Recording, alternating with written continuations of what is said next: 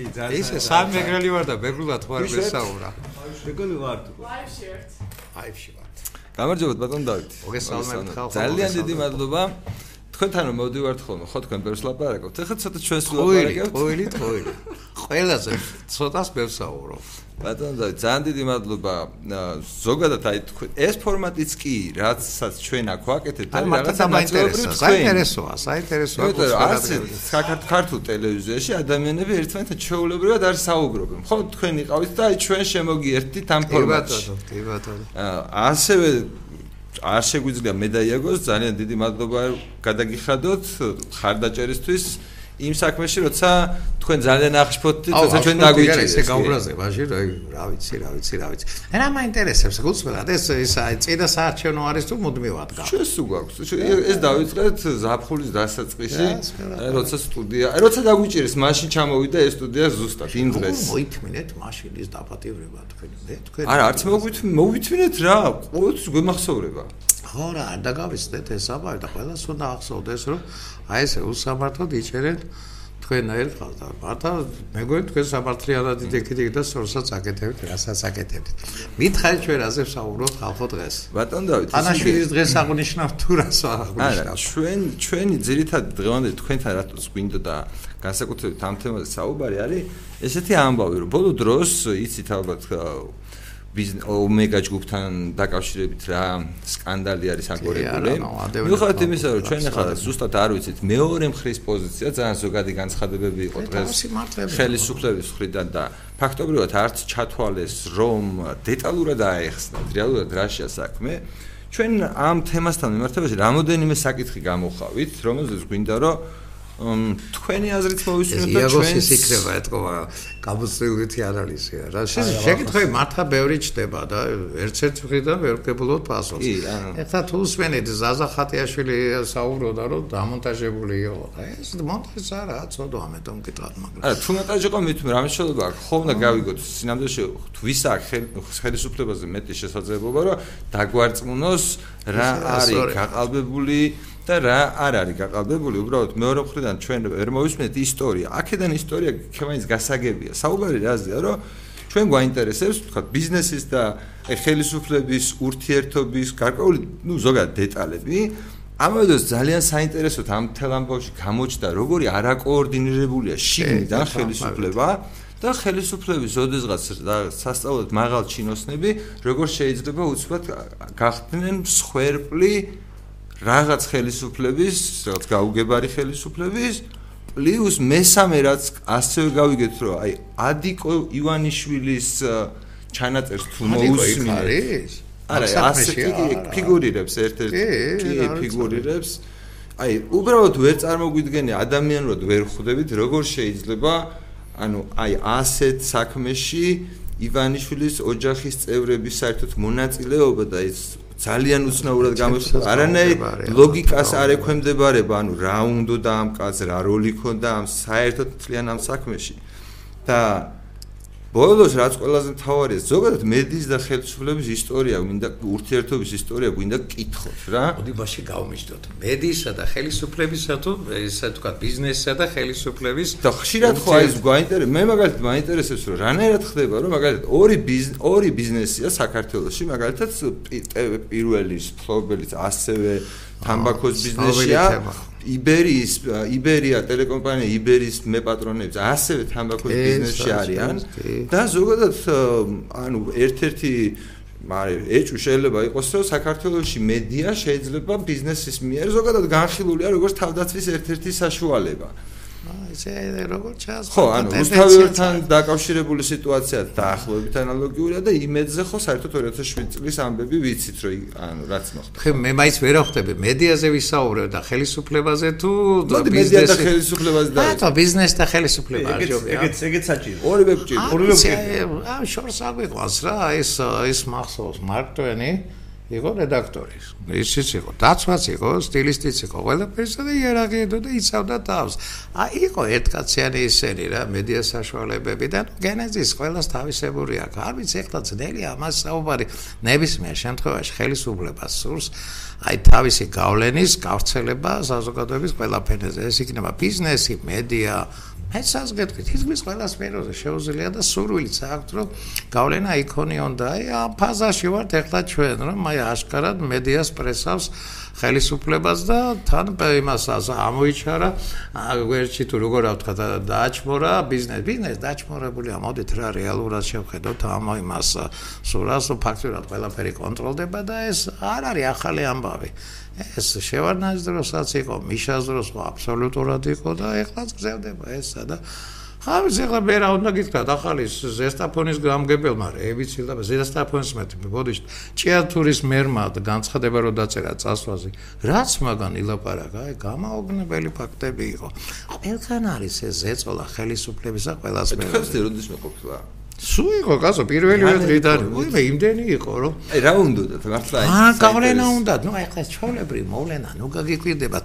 მე მაინც ფიქრობ რომ უფრო დამაფიქრებელი არის ბიზნესზე აი ესეთი ისა რა წნეხი ამერიკაში იყო პრინციპში ეს პრინციპში იმაშიც იყო რა ქვია ინგლისშიც მაგრამ აი ცალთა ბალანსი როგორ არის? აი მაგალითად ინგლისი კლასიკურად განვითარდა ესე ვთქვა ნუ რა ვიცი ორი ნუ აგრარულიც იყო შემდგომში მრეწველობა რო დაიწყო აი მაშინ ესე ვთქვა მოილაპარაკეს რომ ესე ვთქვა აი გავლენის სფეროები აი მაშინ რაღაცა თამაში წესები დამკვიდრა და იმ თამაში წესებმა ხელი შეუწყო ეკონომიკის განვითარებას ინგლისში.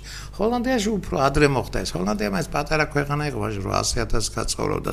ინგლისში 16 მილიონი ცხოვრობდა. აი განვითარდა ეკონომიკა და მოდი ესე ვთქვა რა ბიზნესი და აი რა ვიცი ლატიფუნდისტებიც იყვნენ იქა მეწარმეები ისინი ირჩევდნენ თავიანთ ხალხს პარლამენტში. და აი პარლამენტი ფაქტობრივად მომსახურე პერსონალი იყო აი ამ ინგლისური კაპიტალიზმის განვითარების ეს ოსტინდოეთის კომპანია გეხსოვებათ ფაქტობრივად მაგათმა დაიპყრეს მთელი ინდოეთი. აი ჩვენთან ეხლა რაღაცა ყალიბდება მახინჯი. აი ძალიან მახინჯი. შევარნაზ დროს დაიწყო მართა მაშინ დაიწყო მე მახსოვს კარგად.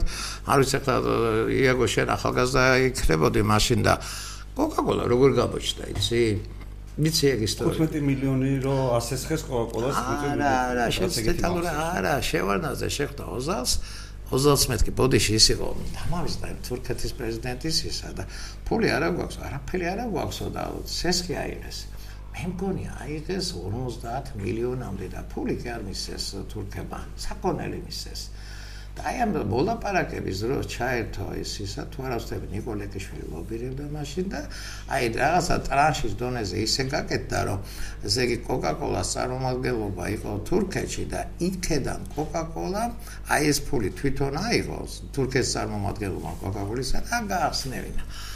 აი მაშინ ჩაბოყალიბდა კოკაკოლა ეს იყო 94 წელი და 95 წელს მოკავშირის საარჩევნო ეს იყო ნუ კომპანიის დიდი დამფინანსებელი.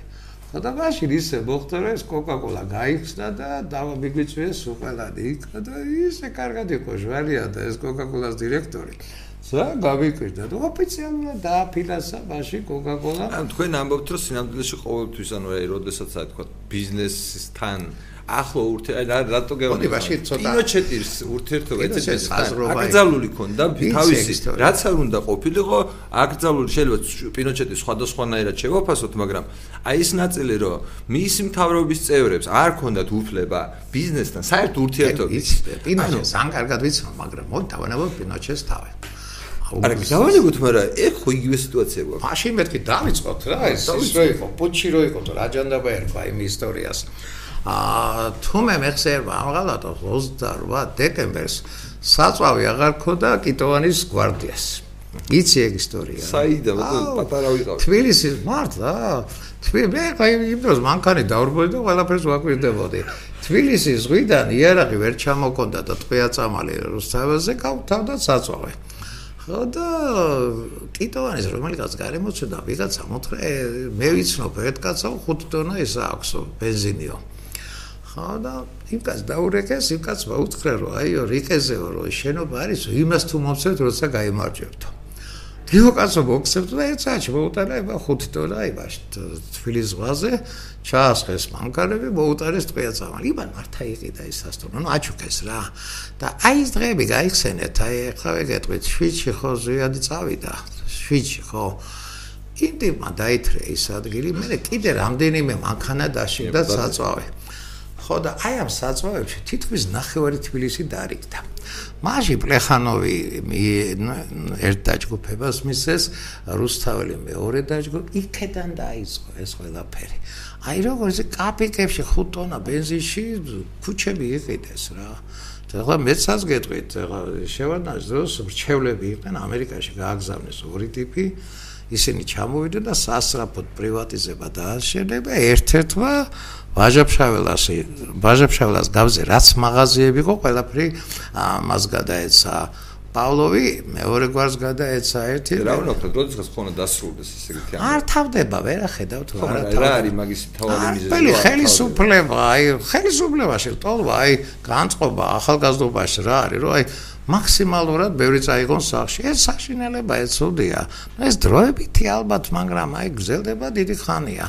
აქ უკვე ახაც მედია მთავარი, არც თეატრებია მთავარი, არც კინო, აი ძალაუფლების ჟინილ ტოლვა რატომ აქვს ქართველებს მართა მეკვეს, აი გულწრფელად გეუბნებით ორივეს, რომ აი გაოცებული ვარ, რომ აი ან ოჯახებში არ არიან გაზრდილი ან რაღაც აი ყველაფრის ფასადი ფიქრობენ რომ თვითონ იქნებიან ხელისუფლებაში სანამ იქნებიან ეთყობა ეს ლოგიკა აქვს რომ მოვასრო წავიღოთ რა ვინმე დაიჭირა ამ პერიოდის განმავლობაში მსგავსი რა ბევრი დაიხრიდა ამ ბევრი სუდა დაამთავრე ცხოვრება ფაქტია თვითონ ეს სისტემა მუშაობს ხელისუფლება კამასუტრას უკეთებს ბიზნესს მისია რასაც უნდა იმას გაუკეთებს რა არ გაუკეთებია? გააკეთეს რა საშინელება მაგრამ ფაქტია.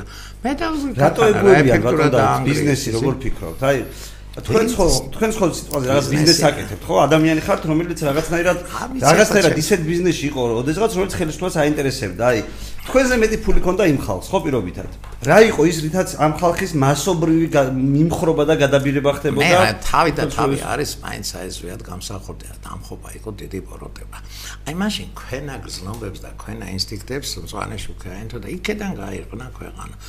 სირცხვილი იყო იცი ადრე მე მახსოვს ისე კარგად მახსოვს სირცხვილი იყო რომ რაღაცა ისეთი გაგეკეთებინა მე ხა გარს არ ვიტყვი და დამირეკა ერთმა. მაშინ არც ტელევიზია მქონდა და არც ყველა იღებსო იმასაო მილიარდებსაო და ეროვნული ბანკის მართოს ველაპარაკეო ნუ გოგუაზე დამირეკა საწყალო ვახტა მიდი აიღე შეცო რა რა უნდა ავიღო ამანებისისთვისო ხო ნუ მაშინ ესე გაი რაღაცნაირი უცნაური ეპოქა იყო დრო იყო ისეთი აღან ყველას გასვლა უნდა და თან რაღაცა ვინც თავი შეიკავა შეიკავა.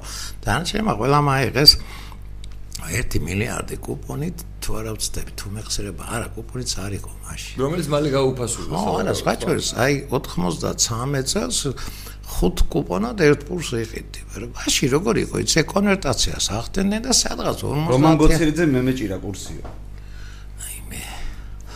მალაპარაკებს რომან გოცერიძე სამ ბევრი ვიცი ბაზე და ვის საქმიანობაზე ამანებას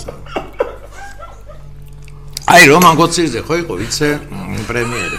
აი მაგის ბაზბამ როგორ აიყო იმისი რა ვქა ვარკეთილის ბაზრო. ტელეფონები არ გეუცნაურებათ ეგ ეგეთი დეტალები არ არ ვიცით არა უნდა იცოდეთ გასო უნდა იცოდეთ. შეიძლება იმიტომ რომ ეგ მაგ პერიოდის საქართველოს ისტორია ხო არ დაწერილი ეცა სხვა ჩვენს კარგ ფაქტს საიდან აი თქვენ ახართ იდეაში შეიძლება იმ ადამიანებს შორის რომლებიც ამ ქართულ პოლიტიკურ ისტორიას ადევნებდნენ თვალყოს. ადევნებდი კი არა, მოწმები ყავი ყველაფერს. კარგ ფაქტს გეტყვით კიდევ, რადგან რომაგოციზე თქვენ თავად დაიწყეთ საუბარი. პოლიტეკონომისტი იყო მაგ.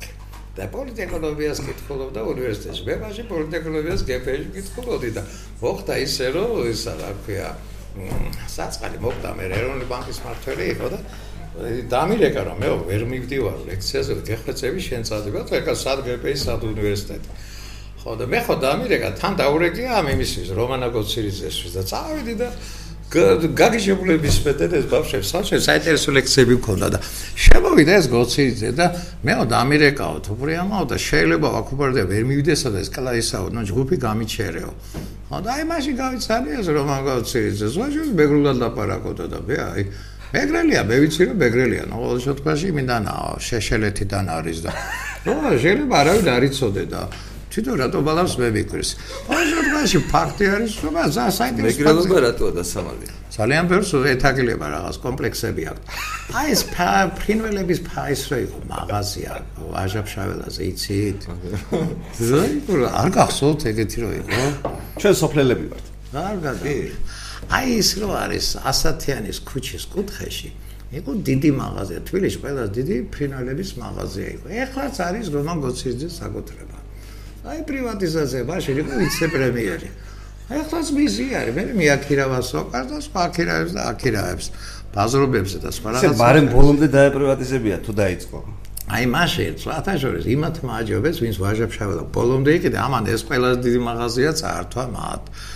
პავლოვი პეკინი ვინ გაყიდა ვაიმე რო ერთხელ როდისმე დავждები და ჩამოვწერ ყველაფერ ამას მეტალურგ ქარხანაში რეები ხდებოდა. ეხლა იმ მეტალურგ ქარხნის იყო ის ყოფილი დირექტორის შვილი ის ეხლა ეგრე ტვ პირველზე და ქართულ ოცნებას ქართლის დედასავით ეფარება. აი მოკითხოს რა მამამის რა ცოდვები აქვს იქ ჩატანილი ჩადენილი უფროსოებს ჩვენ ამ დღევანდელ ამბებზე აი ხელისუფლება არა მამატი რა მინდა ეს ხაზე გაოსვა ხელისუფლების უზურპაციის იმ ფაზაში, რასაც სახელმწიფო გადატრიალება ერქვა, აი დროს ყველაფერი დაშვებული იქნა. და ვინც მოასვა ყველა შევარდა ხელისუფლებაში, აი რაღაც აი ეს არის მოქალაქეთა კავშირის პირველი პერიოდი, ხა? კი, კი, აი 93, 14 წლები კოშმარული იყო, გატანაცლება მიდიოდა, ბოლოს იქამდე ჩამოვიდა, რომ ეს მაღაზია მაინც მომეცინდა ეს საპარიკმახერო ჩემი და პურის მაღაზიაზე ნადირო პურის მაღაზიაზე ნადირობდნენ და ამდენი ქონება რო არის დღემდე სახელმწიფოს ხელში აი მაგ ქონების პრივატიზაცია მაშინ რატო არ მოხდა სხვა ეს მაგე ისი რა არის სიგუა რო იყო სიგუამ დაიწყო და აი მაშინ იყო რომ გააჩერეს აღარ მახსოვს გონი აფხაზეთის ომი იყო და აი რაღაც საშინელი რყევები დაიწყო მაშინ სოფლის როგორც ჩვენ გვეუბნებოდნენ, აი ხლა რომ მიყავდა ერთი ეროვნული მოძრაობის დროინდელი ადამიანი, ის ამბობდა რომ სიკვე ზოგადად პრივატიზაციის მომხრე იყო და სხვა სხვა ვიღაცებს სიკვე მაშინ ბევრი რამე დაარიგა, ძალიან ბევრი. აი, ეს ყველაზე სწორი გამოსავალი იყო იმ მომენტში. არ ვიცი, ეს ესეც ბითებია, რა ვიცი, ხა. ერთ კაცს ვიცნობ, იცი, ზანგაი კაცი არის. აი მართლა საინტერესო კაცი არის. ესე იგი ყველა დიდი ჩაის ფაბრიკები იყო ნუ იმას ზუგდიდში, კალში და კობულეთში. ა 14 ფაბრიკა იყო ჩაის კობულეთში. აი ვიღაც ახირებული კაცია, ლაზიას ვაჭრობს. ისეთ კაი კაცი არის და აი ყველამ დაშალა ეს თავისი ჩაის ფაბრიკები და დაყიდე ჯართა თურქეთში. ამას მაგადაარჩინა. 20 ჰექტარი აქვს და უშვებ ჩაის პეტრას. აი სხვა ბიზნესები აქვს, რა ასკარა სერიოზული და ისეთ პატრიოტული გაწყობის კაცია და მე ამ კარხანას არ დავშიო, რო შევედი, გავგიჟდი რამხელა ის აიცი ჩაის ფაბრიკა. საოცრება და ნუ ზარალზე მუშაობს, მაგრამ მინდა რომ ეს ერთი მაინც გადარჩესო. თუ მოინდომებს კაცი გადაარჩეს ბიზნესს რა ხო ზარალზე მუშაობს რა არა ნუ ზარალზე როგორ ახლა ცოტა ხალხი ყავს და შეამცირა შტატები მაგრამ უშვას პროდუქციას პეტრა ჩაი წადით ნახეთ იყიდება კარგად და კარგი ხარისხია მე ძალიან მომწონს ეგ პეტრას ჩაი მაშინაც იყვნენ, ნუ აი გამონაკლისები იყვნენ, ვინც შეინახეს საწარმოები და გადაარჩინეს, მაგრამ აი ეს პრივატიზება მაშინ ფაქტიურად დატაცება იყო რა. სახელი გაუტეხეს პრივატიზებას. არ მინდა ახლა მაინც ისე კვარების და იმის დასახელება ქუჩები დაითრიე საწარმოები აი სამშენებელი აიღეთო გინდაზე მექანიკური ქარხნების უ კაპიკება წაიღეს და შლიდნენ ჯერთ რასაც ახლა ყვებით მე შეიძლება სწორად მესმის რომ ეს იყო პირველად, როდესაც ხელისუფლებაში მყოფი ადამიანები ხდებოდნენ ბიზნესმენები. და შესაძლოა გასაგებია რომ მათ პირდაპირ შეხება ქონდათ? კი ქონდათ რა, მე გვარებს ნუ მათქმენია, ბა დიდ ქარხნებში ხო პირდაპირ წილებში შდებოდნენ. ა მიდიოდა მე ჯართად გაყიდენ ამ ჩარტს და დაგებს. აი მაგი. ხო, ამ ხალხიდან სავარაუდოდ თიაგო ვიღაცებს გამომართლათ. გამომართლათ ისეთ ადამიანებს, რომლებიც მომავალში, ან გამომართლათ როგორ შეიძლება ერთი 3000-მდე ბიზნესი ეს ხო ჩაოლებრივი ვიღაც ახალი ბიზნესი არ ამონია რომ გაეკეთებს. ხაჭერს ვინც ახლა მე თითქმის ყველა ქარხნის ისტორია ვიცი რა. ვინც კი მაშინ აი ფული აკეთა ამ ჯართების და იმეში, მე ვერაფერი ვერ გააკეთეს. კი ბატონო, უმრავლესობა რა თქმა უნდა ასეთი იქნება. კომუნისტური ის ქონათ რა მიდრობა და ხო ბიუჯეტის ფულის ხარჯვა იცოდეს, ათავისოდა. თვითონ როცა საქმე საქმესავე და არაფერი ინვესტიცია არ ჩადეს. ბატონო, ხო, მაგრამ სინამდვილეში ჩამში იქედან მოდის რა, ჩვენი უბედურება იქედან მოდის, აი ხელისუფლება. მაშინ დაიწყო გადაჯაჭვა ბიზნეს. მოკლედ ერთმანეთი დაუხდათ საჭირო თავრობას და ესეთ ბიზნესს რა. ამ ტიპის ბიზნესი, იმიტომ რომ ამ ტიპის ბიზნესი. აი მოდი ახლა კონკრეტულად მე და შენ რო ერთი წამი დაველაპარაკოთ ამ კონკრეტულ кейსზე, ხო, რა რა სიტუაციაც გვაქვს. ეს ორი ფირმა, რომელიც სიგარეტს აწარმოებს, რეალურად პირდაპირ არის დაკავშირებული ხელისუფლების კი არის ფისკალურ ინტერესებთან. ყველაფერს რო თავი დაანება, აქედან ბიუჯეტში შედის ასეულობით მილიონი ლარი. უბრალოდ ასე. ბოლო პერიოდის აქციზის ზრდამ ეს შემოსავლები სიგარეტიდან კიდევ უფრო გაზარდა. ასევე შეიქმნა უცნაური სიტუაცია. უცნაური სიტუაცია რასთან დაკავშირებით, რომ ბოლოს რო გაიზარდა აქციზი, არაპროპორციულად გაიზარდა ფილტრიან და უფილტრო სიგარეტებს შორის. ვინაიდან უფილტრო ვინაიდან ესე იგი უფილტრო სიგარეტების აქციზი ბევრად ნაკლები იყო, ბუნებრივი ამ ადამიანებს აწყობდათ, ანუ ადგილობრივ წარმოებლებს აწყობდათ, რომ მათი პროდუქცია ხელოვნურად მარტივად შეიძლება გასულიყო უფილტრო სიგარეტის კატეგორიაში და ბევრად ნაკლებად დაბეგრება. ეს ბევრად ნაკლებად საკმაოდ ერთ კოლოფზე ლარს და 10 თეთს ნიშნავდა, ხო დაახლოებით. ესე იგი ამ ხელა განსხვავებისთვის წარმოიდგინე პატარა манипуляციით შეეძლო ფილტრიანი სიგარეტების წარმოებელი კომპანია უცბად გამხდარიყო უფილტრო სიგარეტების წარმოებელი კომპანია და გასაყოფი ხდებოდა სახელმწიფოს ბიუჯეტსა და ბიზნესს შორის განსხვავება რომელიც სინამდვილეში ვინ შექმნა პარლამენტმა.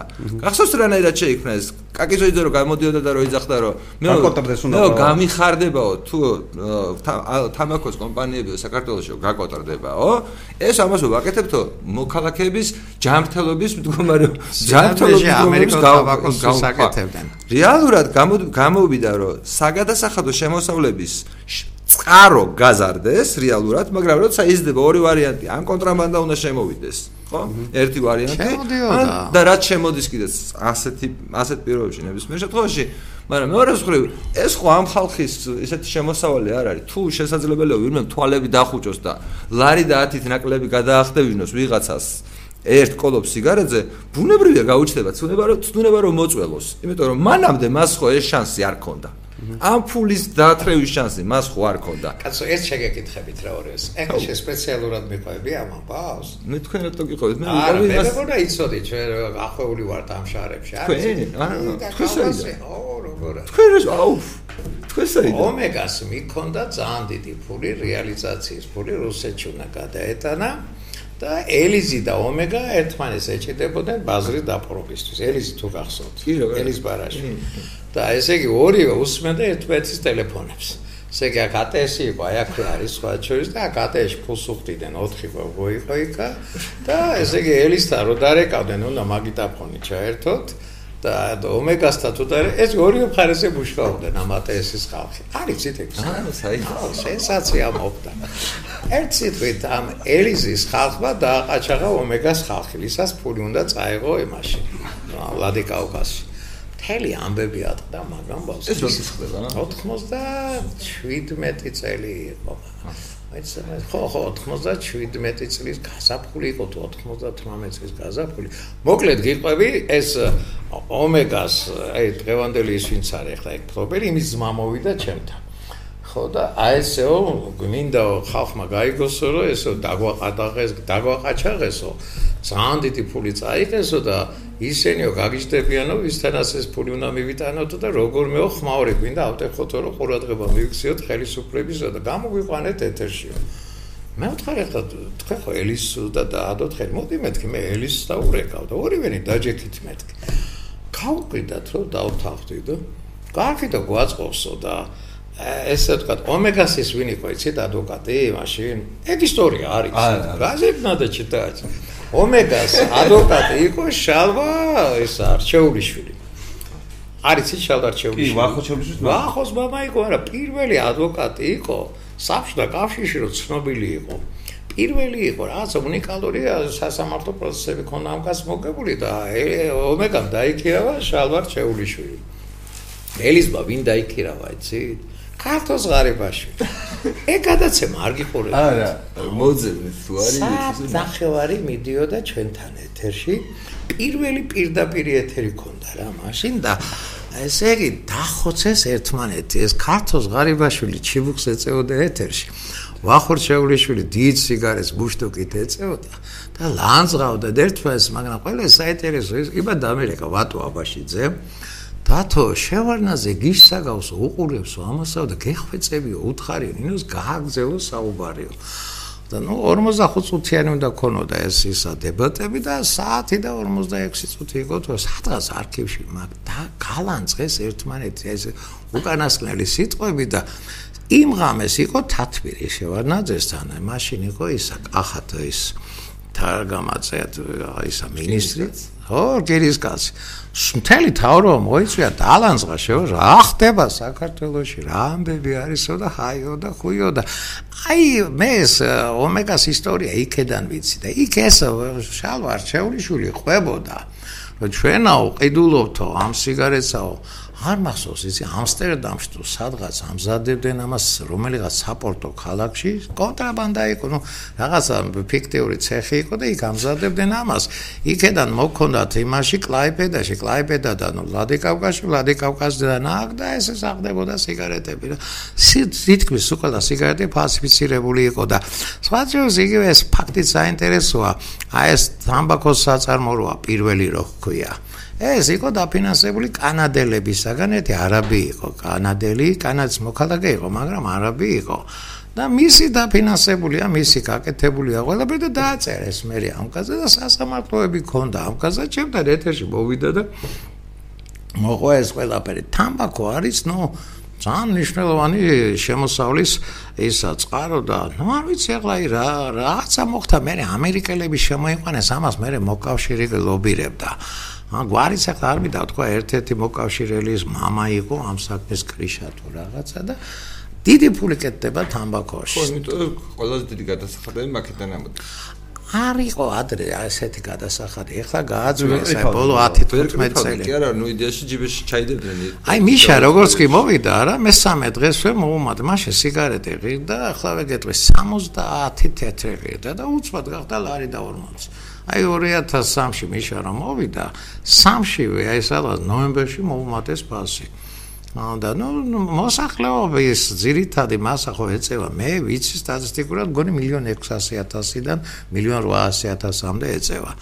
და ნუ მოდბივი ისა რა თანხა შედის სადღაცა და ნუ ყველას გონდა ინტერესი რომ ჩამჯდარიყო ამ ბიზნესში. აი რატო ებძვიან წავილებს ბატონ დავით? აი გუგლი მაგრად რას გვერდი? ნიმე გუგლი აღარ შეიძლება. არა ეს ხო სინამდვილეში მე მარის ამჯერა რომ ვინმე ვინმე ებძვის. რეალურად მათ ეს პროდუქტი ამას ხია აა პროდუქტი რომელსაც ნებისმიერ შემთხვევაში მოწევ ანუ ხისტია არაელასტიურია მისი მოხმარება რეალურად ამ არაელასტიური მოხმარებაში შენ რამდენსაც გინდა გააზრდი ანუ არ პროპორციულად არ შემცირდება მოხმარება, ანუ ფასის დასთან ერთად ის არ მცირდება. ნუ ლონგრანში შეიძლება შემცირდეს. მithumetes ლეგალიზაციის შემთხვევაში ალბათ კიდე შეიძლება რაღაც გამოუჩნდეს ალტერნატივა და რაღაც ადამიანი გადავიდეს, მაგრამ აი ამის გამო თქვენ ეწევით თუ არ ეწევით ამას აქ? ჩვენ? ხო. კი, როგორ შეიძლება? ამოწევთ, მაინტერესებს თუ? მე არ ვეწევი სიგარეტს. საერთოდ, მაშინ ეს მოუკიდებ რა. თუ რა მომეციეთ თუ აქ სიგარეტი? ახლა სიმართლე პარლამენტი არ ვიყო. მე ვიფიქ არ დაგაჭა არის მოთორე რა, მე რა მე რა. ნერვიულად ბატონო დავით გირსზე, ანუ გირსი იმდეკაროს არ ღვევს ხშირად. აი ეს ხაჭა თქვენ ძალიან პოპულარულები ხართ. ყველა ჩემი მძღოლი თქვენი ფანატი არის. ყველა ისერი შვილები თქვენზე გადაარჩინე ჯარში წასვლას. არ ვიცი, მაინც მოდი რა მთავარი მაინც ეს არის, იცი ახლა მე მაინც მგონია რომ თქვენ კარგი ისახართ, რა კარგი იდეების მატარებელი კანტორა ხართ და ცუდია იცი რომ ხელისუფლება აი ზა ბინზურად ექცევა ბიზნესს ბი აი არ ვიცი ბიზნესის დაცვაც უცნაურობა. აღა ჩვენ და ბიზნესი კვაზი ბიზნესია საბოლოო ჯამში ანუ რეალურად ჩვენ იმას ვფიქრობდით რომ შეიძლება ფეხებზე კიდიათ მაგრამ ამ სიტუაციის შემხედვარე რეალურად გონია რომ შეიძლება ამათ ამას მართლა აქვს ობიექტურად საშიშროება რომ რაიმე გააკეთონ. ხო შეიძლება ანუ აი ეს ხაჭო ეს მე ძალიან კარგად ვიცი ამერიკაში რა ფინანსდება როგორ ფინანსდება. შეიძლება დაგადგეს ფირცხალად ფარცხალად. აი იგივე თამბაქოს ბიჭები რა ამერიკის თამბაქოს ბიჭები რესპუბლიკელებსაც პარტიას თანაბრად აფინანსებენ და დემოკრატებსაც. ორივედგან თანაბრად იხდიან. იქ ჭყვა იხმარეს და ყველა საფინანსება, ყველა პარტიას თანაბრად. აი ჩვენთან. არა კაცო, ჩვენ მაგათ მართლა პარტიას აფინანსებენ. არა, არა, ზოგადად საქართველოში ეგ ბიზნეს, ანუ ნებისმიერი ბიზნესი ვინც არ უნდა იყოს ხელისუფლებაში, მხოლოდ მას აფინანსებს. ხო, ეგაა, ცუდი მეტი, არა დემოკრატიულია და აი პრობლემა ამაში არის, რადგან ხელისუფლება ბიზნესს აკონტროლებს, შესაბამისად მოქმედების თავისუფლებაც აქვს, რა ჩვენში რო დარჩეს და რა თქმა უნდა. და ეს ცუდია, მე საშინელება. თამბაქო განსაკუთრებული შემთხვევაა, სხვებთან შედარებით, მაგალითად ეს ხო ვერ წავა და რაღაც არის, მანქანების იმპორტიორებს და რაღაცა ესეთ რამეს ვერ გავუკეთებ. მოდი რა შეგეკამათებით. თამბაქოზე არანაკლები არის სამედიკამენტები. ჯამში იცი თითქმის თანაბარი არის რა. რამდენიც თანხა შედის თამბაქოდან არანაკლები შედის ბიზნესში მედიკამენტებისგან. არ არის პატარა ბიზნესი მედიკამენტები არ არის მედიკამენტები იქნება დაახლოებით მილიარდ 700 მილიონი ცოტა ვერე არა მგონია რომ ამდენი იყოს მაგრამ თამბაქოზე არანაკლები არის რა ბევრი დარგები არის. აი სადაც შეიძლება რომ ხელისუფლებამ ხელი ჩაყოს და კარგადაც ესე ვთქვათ მოწელოს იქ რა. კი ანუ სადაც რეგულირებულია. ანუ რეალურად აი რა ვთქვათ ხო ყველა ბიზნესი ერთის მხრივ შეიძლება იყოს რეგულირებული ისე როგორც ფარმაცევტული ბიზნესი იყო განსაკუთრებით თავის დროზე შევარდანცის დროს სხვათა შორის. მაშინ არის ბევრი საკითხი კი როგორ არა. ავერსი და PSP მაშინ იყო და თავის წარმომადგენლები ყავდა სამინისტროში ბატონ დავით მე იქ მუშაობდი მაგაში მაგაში ეს არის რა ქვია ვარ კომპეტენტური. ხო და ფარმაცევტული ბიზნესი პირდაპირ ეს აქციო იმას ხო არ იხდის. ანუ პირდაპირ ფულს ვერ მოწველი რა. და თამბაქოს ბიზნესის განსხვავებული სიტუაცია უპრიმიტიულესი ბიზნესია რომელიც დგას ძალადობაზე. ანუ ძალადობა გამოიხატება იმაში რომ აგას შეუძლიათ აგიკრძალონ და როგორც უნდა ისე დაარებული რომ მორალური არგუმენტებით გიგრძალავენ პლუს მორალური არგუმენტებით გიგრძალავენ პლუს აქციზის ბუნება და შინაარსი რა არის? აქციზის ბუნება არის, რომ თურმე ეხა მე ბატონი დავითი რომ მაყენებს ზიანს თუ შენ რო გაყენებ უბრალოდ ზიანს. ხო? ამის გამო სახელმწიფო უნდა გამოგვართვას ფული, რომ შენ ამით გიმკურნალოს, ან რაღაცით დაგეხმაროს, ანუ კომპენსაცია გააკეთოს შენთვის მოყენებული ზიანის. ხედავ რა ხალ აბსურდია საუბარი?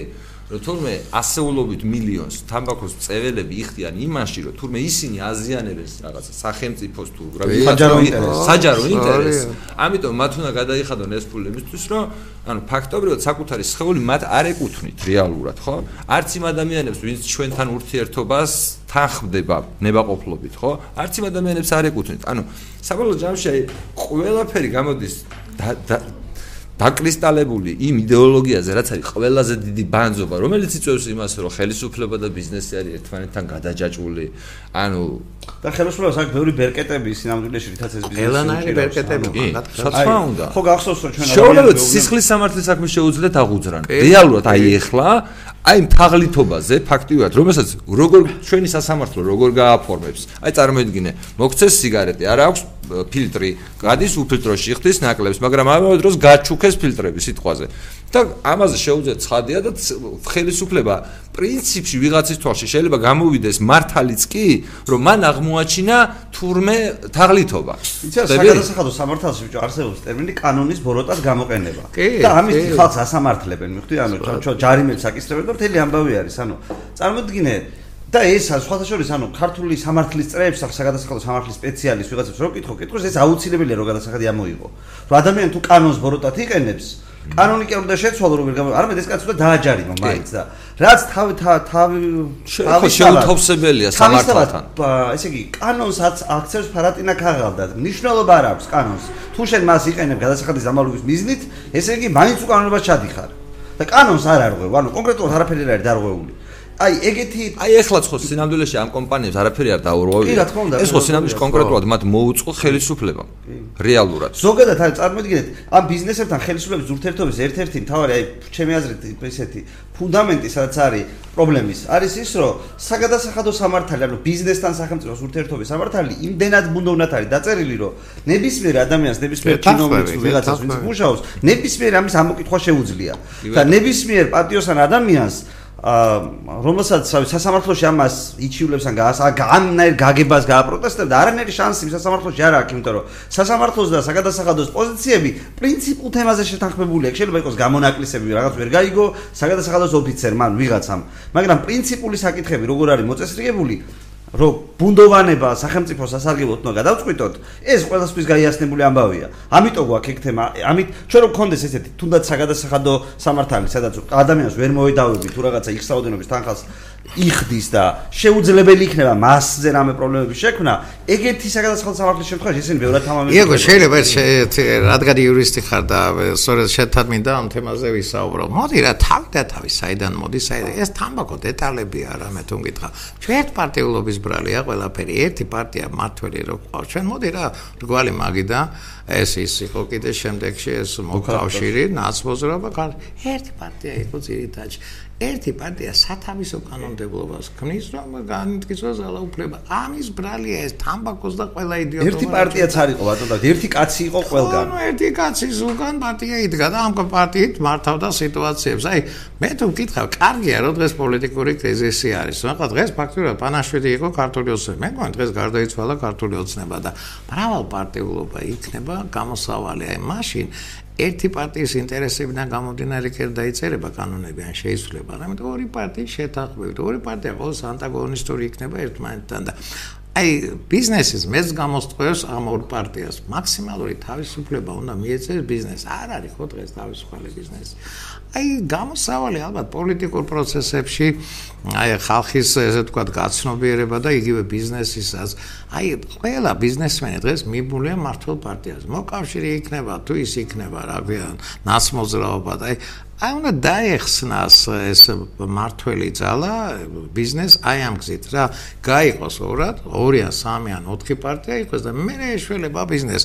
იმიტომაა ჩვენ ღარიბი ქვეყანა რო ვართ. აი არავის არ აინტერესებს რომ ნაკლები დოლარი გავიდეს საქართველოსთან ურჩევნია და იმპორტიორებისგან ფული აკრიფონ, ვიდრე დაუშვათ აი კარტოფილის წარმოებას ხელი შეუწყონ, ან პომიდორის, ან კიტრის, ან მასობრივი პროდუქცია, რაც არის, ყველაფერი ხო თურქეთიდან შემოდის. ჩიხი არის ერთპარტიულობა. იურისტი ხარ დაუკვირდი, მთელი ჩვენი პრობლემა ხო აქედან მოდის. ქსა ეს არის რა და დღეს რა გადაიცვალა ქართული ოცნება, მე მგონი კარგი იქნება რომ ერთი ორი პარტია მაინც ესეთი გამოჩნდეს, რომელმაც რა ვიცი დაარტყას ხელი და მოდი რა გადავინაწილოთ სიტუაცია თანაბრად. ყველას ერთნაირი შესაძლებლობები გქონდეს და აი მაშინ იქნება ალბათ აი ეკონომიკის აღმავლობას, ბიზნესის შედარებით გათავისუფლდება და წიწავა ქვეყანას. სხვა არაფერი არ შეიძლება ვილაპარაკო დილამდე რომ თამბაქოში ეს მონაწილეობს, ის მონაწილეობს. ერთი პარტია არის დამღუპელი. მე ესე ვფიქრობ. როგორც იურის გეკითხები, სწორი ვარ თუ არა ვარ? მე სწორი ვარ. მე თუ სწორად გავიგე ერთპარტიულობაში თქვენ გულისხმობთ იმას, რომ ხელისუფლება, ხელისუფლები, ანუ ძალაუფლების შტოები არ არის დანაწილებული. ყველაფერი ძალაუფლების შტოები, ყველაფერი ერთ პარტიიდან ნაწილდება. აი, ინგლისში რა იყო, ლიბერალები და კონსერვატორები იყვნენ. დისკუსიები მიდიოდა, სერიოზული ომები ქონდათ იქ. იგივე მე გადავიდა ამერიკაში. ამერიკა რა იყო, ინგლისის გაგრძელება არ იყო. ამერიკაში ორი პარტია იყო. აი, ორი პარტია ყოველთვის აი ქონებას რო ყოფენ ფენა სხვა შორის ის პირველად მოხდა იმაში ამერიკაში რომ ეს როკფელერს გაუყვეს ქონება და კიდე რამდენიმე ტიპს გაუნაწისა ნუ ანტივის რა ქვია იმას? ანტიტრასტ კანონი. ხო და აი მაშინ როგორც კი გაიყო ერთი ფირმა კონკურენციას ავიდნენ და სახელმწიფო მოიგო აი ჩვენთანაც ესე უნდა მოხდეს რა აი არ შეიძლება რომ ერთი პარტია წყვეტდეს ყველაფერს. ყველა კანონს ხო ჩვენთან მართველი პარტია ახორციელებს და სათავისოდ გადახორციელებს ბიზნესის განვითარება ამათ არ აწყობთ. მე აი ღრმადა ვარ დარწმუნებული რომ აი მრავალპარტიულობა თუ კი იქნება და რეალური მრავალპარტიულობა წადგება ჩვენ ბიზნესს და ცხოვრების დონე შეგვეცლება. მე ესე მგონია რა ვიცი. მე ქათმის და კვერცხის ამბავია რა. ანუ გაჩნდა რომელი პირველი უნდა იყოს, უნდა იყოს ის რომ აი მაგალითად ღარიბ საზოგადოებებში ზოგადად რა პოლიტიკური პლურალიზმი ძალიან იშვიათია. ო, ეგა ვარ. ძირითადად ღარიბ საზოგადოებებში რაღაც ან ავტორიტარული რაღაცა რეჟიმია, ან სრული დომხალია, რაღაც. პოპულისტები იგებენ მინიმუმ. საქმიანი ლაპარაკი არავის არ უნდა. ის არის პოპულიზმი, ეცავს რა, ზვიადი რომ ჩამოაგდეს. შევარნაძე ხომ მოვიდა რა? არისო შევარნაძე პოპულისტი. არა ნუ დასაწყისში ყველას მე რამ ხელა იმედი მქონდა? იცი ამ კაცო და ვიფიქრე ეგება მეთქი თან თვითონაც ისეთ რაღაცებს დაახეთქებდა ხოლმე რომ ბუშ ვიცროდა, გენშეს ვიცროდა, აი და ხუი და რაღაც, აი ნახავთ, გაიცადე ბრეწველობა აღორცინდება, მართა გჯეროდა, იცი? ხო, მე არ მჯერა რომ პოლიტიკური, აი მოგეთ, მე არ მჯერა რომ პოლიტიკური კლასის შეცვლით რამე შეიძლება. კლასი კი არ უნდა შეიცვალოს. აი პოლიტიკურ იმაში რა ქვია, აი ლანდშაფტში ორი, სამი ზალა თუ იქნება, ერთმანეთზე ჯინაზე არა მე მოვაწონებ თავს, არა მე მოვაწონებ თავს აუდიტორიას და ხო ხდება ახლა რამ ხოლმე უსამართლო მდგომარეობა. მაგალითად ჩვენ ხო პოლიტიკურ ველზე ვართ. ანუ ჩვენ ეგეთი ყველაზე პოპულარულები თქვენ ახლა აი რა. ესეთები ვარ საკმაოდ საინტერესო ზალა არა რა წარმოგიდგენთ იგივე ველზე რო თამაშობდეთ რასაც ისინი ისინი თამაშობენ. იმათ რომ ვერაფერს ვერ უზავთ. ანუ მაგაშია საქმე რომ პოლიცია მაგათია დაზვერვა მაგათია კონტაზვერვა მაგათია ჩვენ რადიკალურად სხვანაირები არ გავხდით მათ ვერ მოუგებთ მათ მოედანზე თქვენ აი მართლა უცხოელად გეხ მე აი მართლა არ მინდა რომ პარტიებში და რაღაცეებში არა ეს პარტია ჩვენ ვართ ეს არა რას გეუბნებით იცით მე თქვენად ადგილას, მე რომ ვიყო თქვენთან, ეს ზღანაირად მოვიქცეოთ, ის თუ მე უნდა იგებდე. არაფერი გააქტიურდეთ თუ და თქვენ პასიურები ხართ. აა. ო რაღაცა თვეში ერთხელ რაღაცა ის არა, კაც გამოისრით ხოლმე, მაგრამ აი სისტემური ის უნდა გააქტიურებაში რას გულისხმობ? არ ვიცი, იცი რას გულისხმობ. აი თქვენ რაღაცა ვიცი, მე მაგალითად ენერგია რო კონდეთ და არავინ არაფერში არ გიშლიდეთ ხელს, რას იცით? აი ხა ის არის ნუ რაღაცები ხა ჯერეთ ხადაჭერთა მასა უნდა გაზარდოთ. არ არის ეს ძნელი, მართლა არ არის ძნელი. აი გულსხმელება არ არის. ხო, მას ლაპარაკობთ ის მართლა უჭერა და ახლა მასე როგორ უნდა გაზარდო? ჯო წადი და უნივერსიტეტში ლექციები იკითხეთ. აი წადი და იგ და ხოლმე ასწავლე. არა, ისეთი ლექციები არა. აი გა აბრა გამოაკარიძო დღეს გისაკ თქვენთან შეხვედრა. აბსურდული მოდი დამადამ აუდიტორიაში. ანუ იმაში უნივერსიტეტის ბაღში. აუდიტორია უნდა აიყვანოთ ახალგაზრდები აკრიფ. არ მიყვარს სისტემის რო თან პატიჟებენ.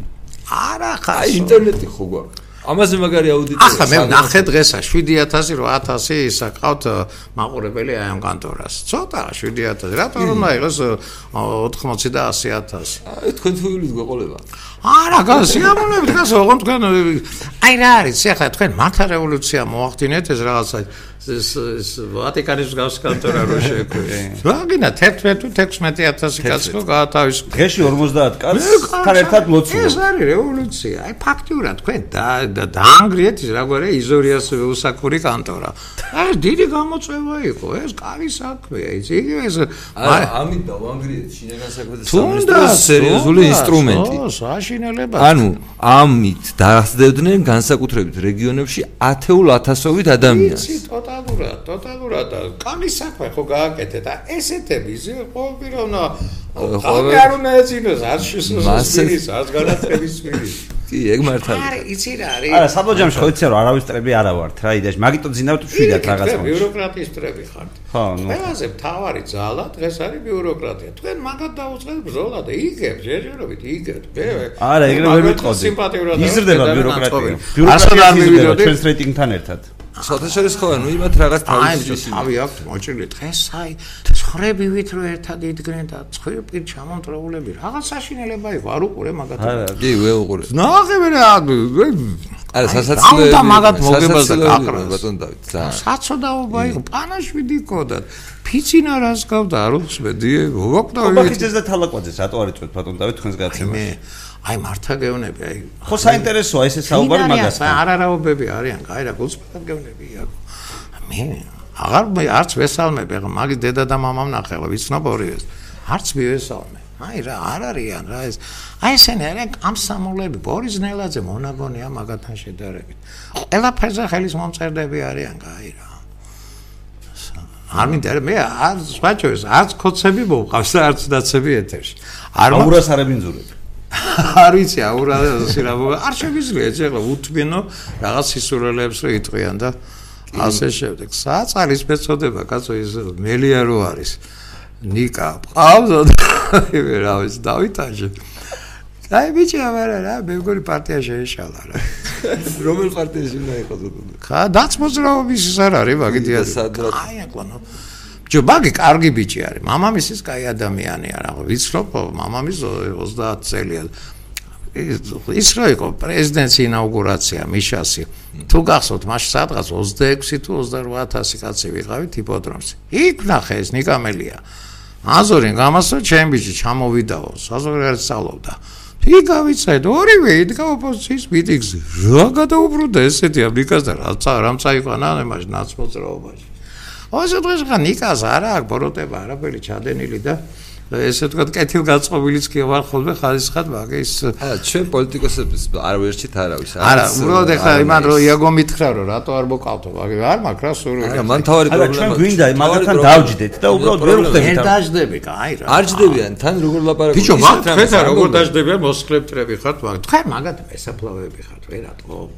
აი სხვა შე სერიოზულად ყველაზე აი ძლავრი შეტევა ქართული ოცნების წინააღმდეგ თქვენ ახორცელებს სხვა ვინმე არის? მას ჩვენა ძალა ვინც თქვენნაირი ენერგიით ნუ ჩვენ ხო რევოლუციას არ გიგმოთ და მაგ რევოლუციონერები ხართ კაცო მესამე ჯერ გეუნებით. თქვენ ხართ მემარცხენებით თქვენ ვერ ხდებით მართა მემარცხენეები მოყვას აი აგვიხსენით და რატო თვითონ გიყვართ ხო მოყვას კი გიყვარს მაგრამ მემარცხენეობა დაჩაგული ბიჭი ვისაც ვისაც ჯარში მიაქანებე რადგან გამოიხსენ მემარცხენეები ხარ რატო არის მემარცხენეობა ეს მემარცხენეობა აი რა რა ლოგიკი აი რა ლოგიკი და სიბრალური და აღშფოთება გიჩნდება, როდესაც უპატრონო ბავშვი მიყავ ჯალში. და მემარჯვენე რატო შეიძლება იყოს სიბრალური? მაჩვენე მემარჯვენე ვის დაიცავს ამათ? არ არის არო ეგეთი. აგერავთ. ვინ? აი ი თქვენ გონიათ რომ მემარჯვენე საქართველოს ყველანი არიან, ვინც კიდე ოდნავ რაღაცნაირად აზროვნებს მემარცხენე. და მიჯერეთ. არა, სერიოზულად გეუბნებით.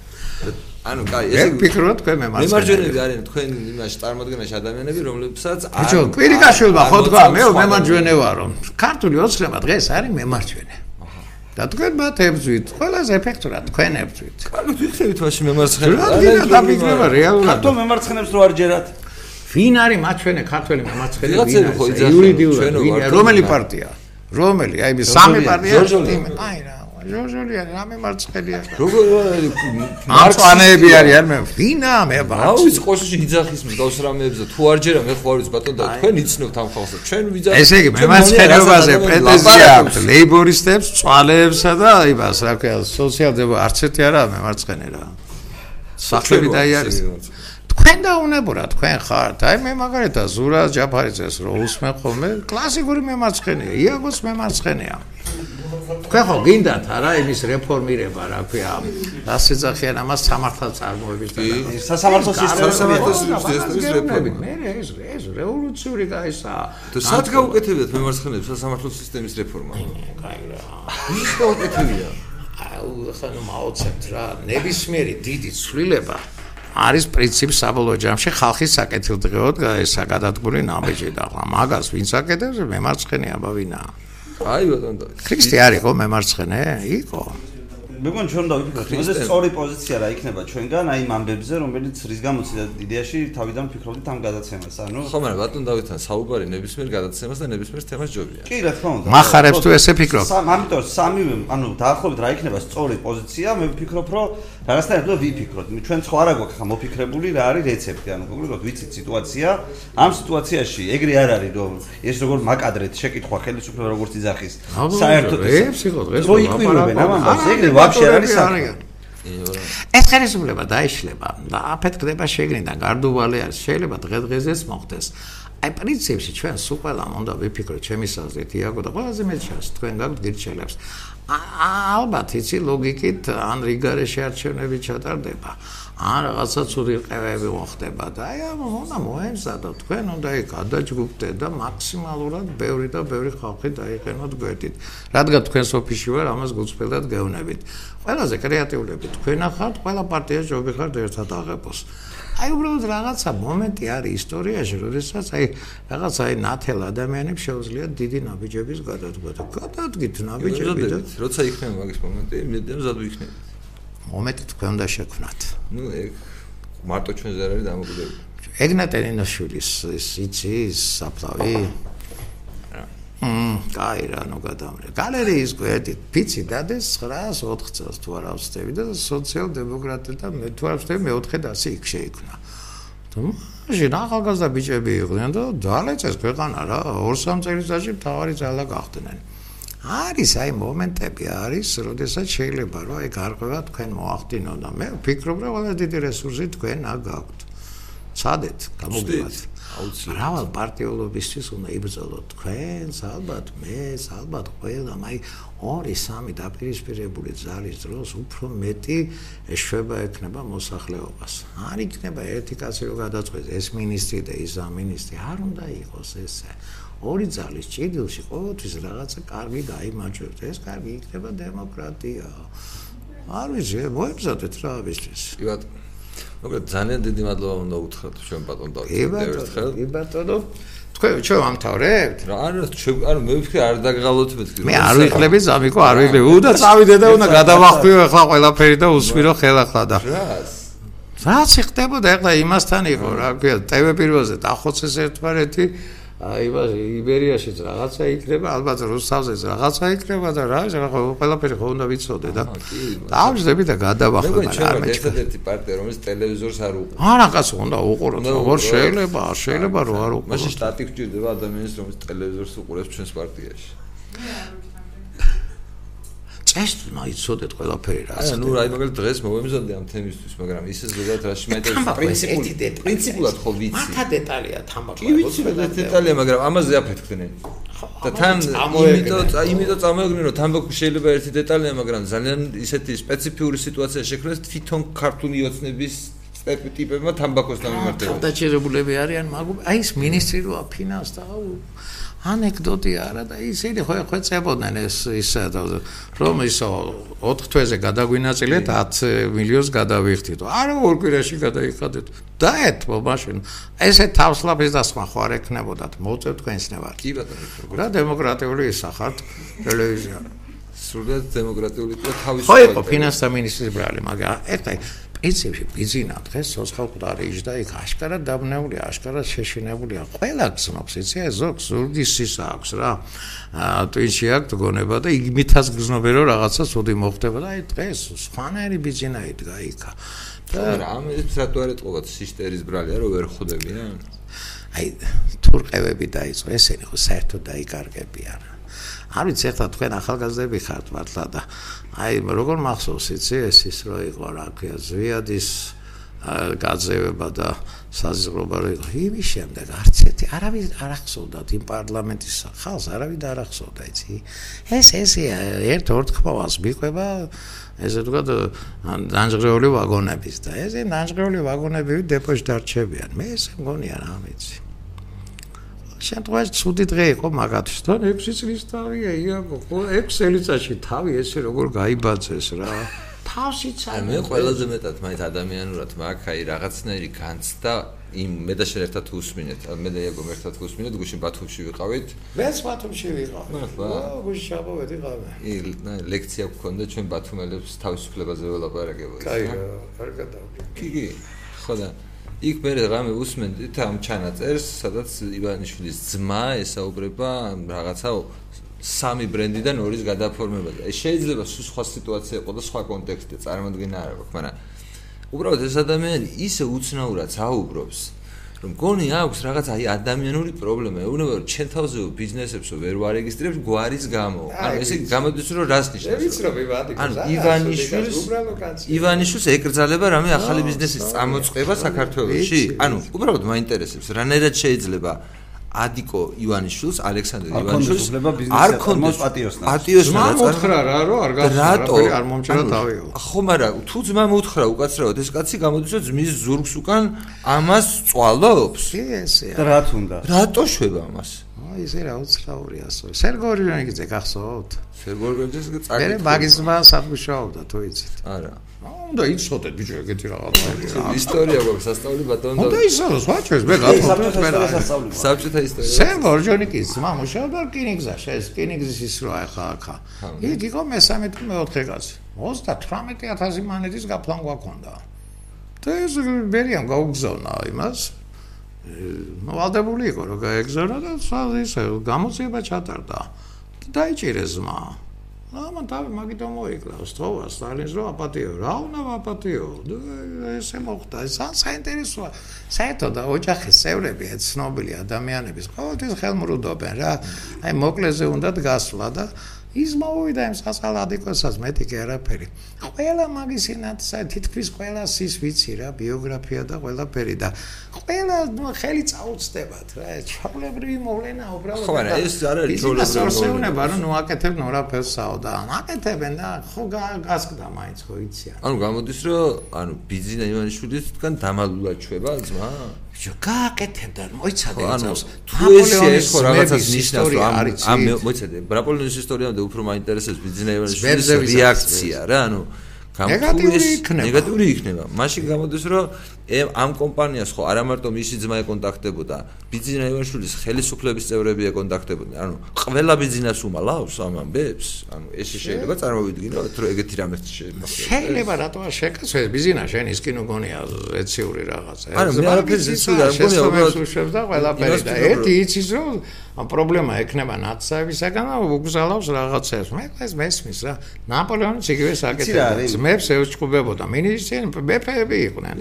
ხო და მე ხო და არა რას გეუბნები, იცი მაგის აკონტროლებდა და ცუდა ნუ მოიქცევი და არ მომჭრა თავი და რაღაც ალბათ ბიზნეს ამას ამბობს რა. იცი ჩემი ჩემი აზრით არის ყველა საინტერესო. რომ მთელი დღის განმავლობაში მართლა არასერიოზული კომენტარების გარდა და ნუ ჟურნალისტებს რო ეჭანებოდნენ ამის გარდა ხელისუფლების არც ერთ წარმომადგენლებს ხო ოფიციალურად არაფერი არ უთქვამს ამ საქმესთან დაკავშირებით. მინიმუმ ის თქვა ხომ რომ არ თქვა არაფერი. არა ხო, იმის თქვა ხომ მაინც შეიძლება და რაშუაშია დემპინგი. ანუ მინიმუმ ეს ხო შეიძლება და ეს ხო ამ ნაწილში ხო ტყუილია, ეს ხო ვიცით რომ 5 წლის განმავლობაში ამ ამ კაცს რო დემპინგით არ წეწავდნენ, ეს ხო გასაგებია, ხო? რაღაც სხვა ამბავია. დემპინგი არის სულელური ტერმინი ეკონომიკურად. ჩვენ დაუდგებით იმას უკან, ვინც არა, თან ეს 5 თუ 8 წლის განმავლობაში დემპინგი ხორციელდებოდა, რავი, მე ვფიქრობ რომ ოქსიმორონია საერთოდ ეს, მაგრამ ამის გარდა, ანუ ამის გარდა ხა ჩვენ მე ხო წარმოდგენა შევექრა რომ ეს სწორი არ არის. იმკაც შეიძლება არასწორი წარმოდგენა აქ ან დემპინგზე, ან იმაზე, რასაც როგორც მას ებძოდნენ და ამას რაღაცა ხუმრობით დემპინგზე ძახის. ეს არ ვიცით საერთოდ, მაგრამ მინიმუმ ხო ამის თქმა შეიძლება რომ ეს არ არის მართალი. კი ბატონო. აა მაგრამ დანარჩენი რაც ამ კაცმა თქვა. ის იმაზე არ უნდა გაეკეთებინა. კი, ლევაკიფიანის იმაზე როგორ უნდა გაეკეთებინა კაცო? პირდაპირ ანუ ჩანაწერი გვაქვს, რომლიც ავიცი, აი ნებისმიერ შემთხვევაში ადამიანის ცემაზე, გატაცებაზე, სადღაც ჩაყვანაზე და რაღაცაზე და თან საუბარი არის რომ ეს ხელისუფლების სახელით ბიზნეს სახელით ხორციელდება. ანუ ფაქტობრივად გამოვიდა რომ ბიზნეს სახელით გაიყვანეს ყოფილი მინისტრი და გახეთქეს თემაში. ამას სიძახის ფარულ დიდი ალბათობით, იმიტომ რომ არავინ არ დავა მე საქართველოსი ავთენტურობის პრობლემა არ არ მახსოვს რომ ქონოდა ჩანაწერს. კი იძახდნენ სხვადასხვა რამეს ავთენტურობასთან დაკავშირებით, მაგრამ საბოლოო ჯამში აღმოჩნდებოდა რომ ყველაფერი ყველა ავთენტურია, ესე აღმოჩნდება ხოლმე. შეიძლება კონტექსტი ოდნავ შეცვლილია, მაგრამ ყოველ შემთხვევაში ყველას თავი ყველას თავია, მოკლედ რა. ხო და ანუ საბოლოო ჯამში აი მინიმუმ იმის თქმა, აი სადაც ხელი წერტილები იყო, მინიმუმ იმის თქმა და იმის თქმა, სადაც გასაგები იყო საღი საღად მოაზრონ ადამიანებისთვის, რომ არანაირი დემპინგით ამას არ ებძოდნენ 8 წლის გამ ამას თუ რამეს ებძოდნენ, სხვანაირად ებძოდნენ. ამის თქმა რატო არ შეიძლებოდა? შეიძლება მიხვდებიან და დაიწყებენ და გამართლებას ან რაღაცა რა დღეს ხო არისო ეს. აი სტაც არისო რომ ხო, ღამე ხო რაღაც საკეთებდნენ. იმათ როგორც ჩვენ მოვუსმენთ, იმათაც ხო მოვუსმენთ. ბიჭო, ესე იგი დრამოდენია მონაწილეა, ხო? ბიზინა ივანიშვილი მონაწილეობს საქმეში. გახარია ახლა. ერთ-ერთი მთავარი კაცია.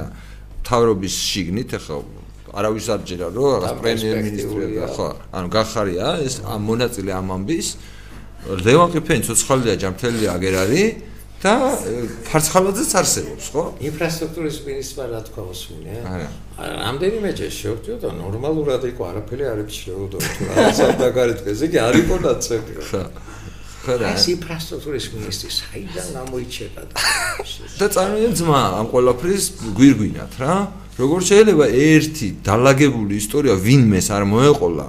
ну რატონა მოყოლა ყალაძეს არ ვიცი იმიტომ რომ პარტიის თავმჯდომარეა. თუ იმიტომ ეს გამო რომ არ ვიცი ბიზნეს მაგივრად ლაპარაკობს თუ ანუ მოკლედ რამ შეიძლება მაგრამ ვისაც არ უნდა მოეყოლა ამ კითხვებზე რაღაც ელემენტალური კითხვის პასუხება ის ხოლმე გაეცა ხოლმე ეთქვა რომ ეს ტყუილია ეს უბრალოდ ტყუილია აი ეს არის ეს ესე მოხდა. ვერ მოემზადენ დღევანდელი არ შემჩნევა კაცო. გახარია ჯერ რა კვირა დღეს მოხდა ეს კასკდა ეხა გუშერაც ღამე აჩვენე აჩვენეს შოქში იყვნენ აშკარად და იფიქრეს რომ მოდი აბარონას ჩავდგეთ და არაფერზე არ ვაღიარებ ხო თან ეხა ნაციონალურ მოძრაობა გაუჩალიჩა იასნია ხო ანუ რუსთავერზე მედის ეს ყველაფერი ანუ თან რაღაც კაც ტელევიზია ქონდა თქვენ ტელევიზია გაქვს სხვა ტელევიზიაში დახვალთ რომ ის მოზაყო ყოლა. და პრინციპში სწორი გააკეთა. ხო არა, გასაგებია იმას ხო სულ სხვა მიზე მე მაგიტომ დავიწყე თქვენ არ წამოყვებით მაქსაუბარში თორე. ყველა ბიზნეს რომელსაც ესეთი პრობლემა აქვს, ხო ტელევიზია ეჩდება. რაღაცნაირი. დღეს რო აბრალეს ნაც მოძრაობის ის არის ორკესტრირებული. 26 მილიონიო ნაც მოძრაობის დროს დააკარგა ტიპმა, წარმოიდგინე და იმის ანაზღაურებაში 4 მილიონს წინასწარს თხოვენ ესენი, ხო? ანუ რეალურად წარმოიდგინე რა 4 მილიონს ლარს თხოვენ, დოლარს კი არა, ლარს თხოვენ. დღეს ყველა დოლარს იძახს, ლარს თხოვენ და თვითონ ესეთი წესრიგი რო არსებობს. იგივე რომ ძველი რა ანუ პრივილეგიების მიღების ესეც რო იყოს ანუ ჩვენ რომ დავიჯეროთ რომ ხელისუფლება ასამბლეაში რამე სიჯებსაც გვეუბნება. რომ იდეაში ამ კაც უნდა და პრივილეგიები ანუ საბოლოო ჯამში აქამდე მივა პრივილეგიები ან იქნება ეს გადასახადი მე როგორც ვიცი აგო ბოდიში კომპენსაცია უნდა და მაგას ზარა ხო ნებისმიერ შემთხვევაში რაღაც ტიპის პრივილეგია უნდა და პრივილეგიის სანაცვლოდ შენ უნდა ეს საქმე უნდა გაიარო ვიღაცასთან ეს შეიძლება იყოს ფარცხალაძე შეიძლება იყოს ყიფიანი შეიძლება იყოს ბიზნესმა არ ვიცი ვიღაც შეიძლება ეს იყოს. რომ უნდა გაიარო თვითონ ეს წესრიგი რო არსებობს ქვეყანაში და ასე რო არის რაღაცეები რეგულირებული ეს უკვე არის პრობლემა როგორ შეიძლება კორუფციის კორუფცია როგორ შეიძლება არ წარმოიქმნას. არის საერთოდ კორუფციული სისტემა ერთი პარტია სადაც არის ყველგან არის აი პორტები როგორ გაიყიდა. ის ტერმინალი რო არის იმისი რა ქვია ყულევი თუ იცი? ვისი იყო ეს ყულევი იცი? არა მე ეგეთ რაღაცები არ ვიცი მე იცოდე იაკო კაი ნუ გადამრელი. ერთ-ერთი ვასაჭირო გირჩელი ხარ. დაწერეთ თქვენ ისტორია და მე წავიკითხავ მაგი ეხლა ვეკეთებ მოგიყვები თუ გინდა მოკლედ რა. მაგი ესე იგი რაღაც ხუთი აჭარელი იყო ბიზნესმენი მოსკოველები იყვნენ. მაგენი მივიდნენ კაკო ჩხაიძესთან და რკინიგზა მეგვაყანინე ყულებშიო ჩვენ ჩავდეთ ფულსაო ტერმინალი გავაკეთებთო და ძალიან დიდი მოგება იქნებაო და დაიწყო ამის გაკეთება. ოფიციალურად რკინიგზა 8 მილიონი ჩავდო თუ არ ვცდები ამაში და ეს ტერმინალი უკვე აი როდესაც შენება დაიწყო ამერიკის ელჩი მივიდა ჩხაიძესთან და უთხრა რომ არ უნდა გააკეთოთ ის რუსები ვინც არიან აჭარელ რუსებზე იყო საუბარი არ არიან კაი ხალხიო გაკოჭაიძე ვიჯიკ შორტო ტექნიკურად უთხრა. ის წავიდა მე შევარნაძესთან. შევარნაძემ დაებარა გაკოჭაიძე და უთხრა რომ გააჩერე მაგამბავიო საფრთხის შემცველი არისო მე ვინ იყიდა ჩხაიძესგან ეს ბიზნესი. ზუიმა რა ქვია პატრი პატარკასშვილი მანამ პატრიმ გააფორმა ეს იმაზე. პატრი ვინ ჩამოიყვანა საქართველოს თვიცი მანო ჩხარტიშვილმა და სანაცვლო და თუ რაღაცა მოხდა იქა და მანო ჩხარტიშვილის იყო იურიდიულად. და მანო ჩხარტიშვილმა ეს მე ვის მიყიდა ალიევს ალიევისა 350 მილიონი და ვანოჩ ხარტიშვილიც ფიგურირებს ამ საქმეში. რა როლი შეიძლება კონდეს ვანოჩ ხარტიშვილს? თან დიდი ისა, იცი, აი კახანების ნიჭიერი კაცია, ზღაჯერ მე კარგად ვიცნობ ვანოჩ ხარტიშვილს, მაგრამ აი რაღაცნაირი ისა, ვიცი, აი ყოველ შემთხვევაში ძალიან დიდი დიდ ფულად გაიყიდა მე ეს იმისი პატრი პატრიკაშვილის ოჯახი ორ სასამართლოში უჩიოდა ხარტიშვილს. რომ ჩვენი ქონება იყო, ჩემი ქრის იყო, ის სოლი ამბობდა და მთელი ამბები იყო იქ რა. აი პორტები იცი რა საინტერესოა. სხვა ჩვენს იგივე მიშა რატო იყო დაინტერესებული ლაზიკის აშენებით. ძალიან საინტერესო რაღაცეებია. არც ეს იცი? არა. კაი აკო რო გადავრიე ბიჭო პარტიული ისაღა ფუნქციონერი ესეთი რაღაცები უნდა იცოდე. არა ჩვენ არ უნდა ვიცოდეთ. უნდა იცოდე. არა ნუ გავიგოთ ბუნებრივად ჩვენ მაგას ქექოს ვერ დავიწყოთ. არა უნდა ითქოთ რა, ვალდებული ხართ.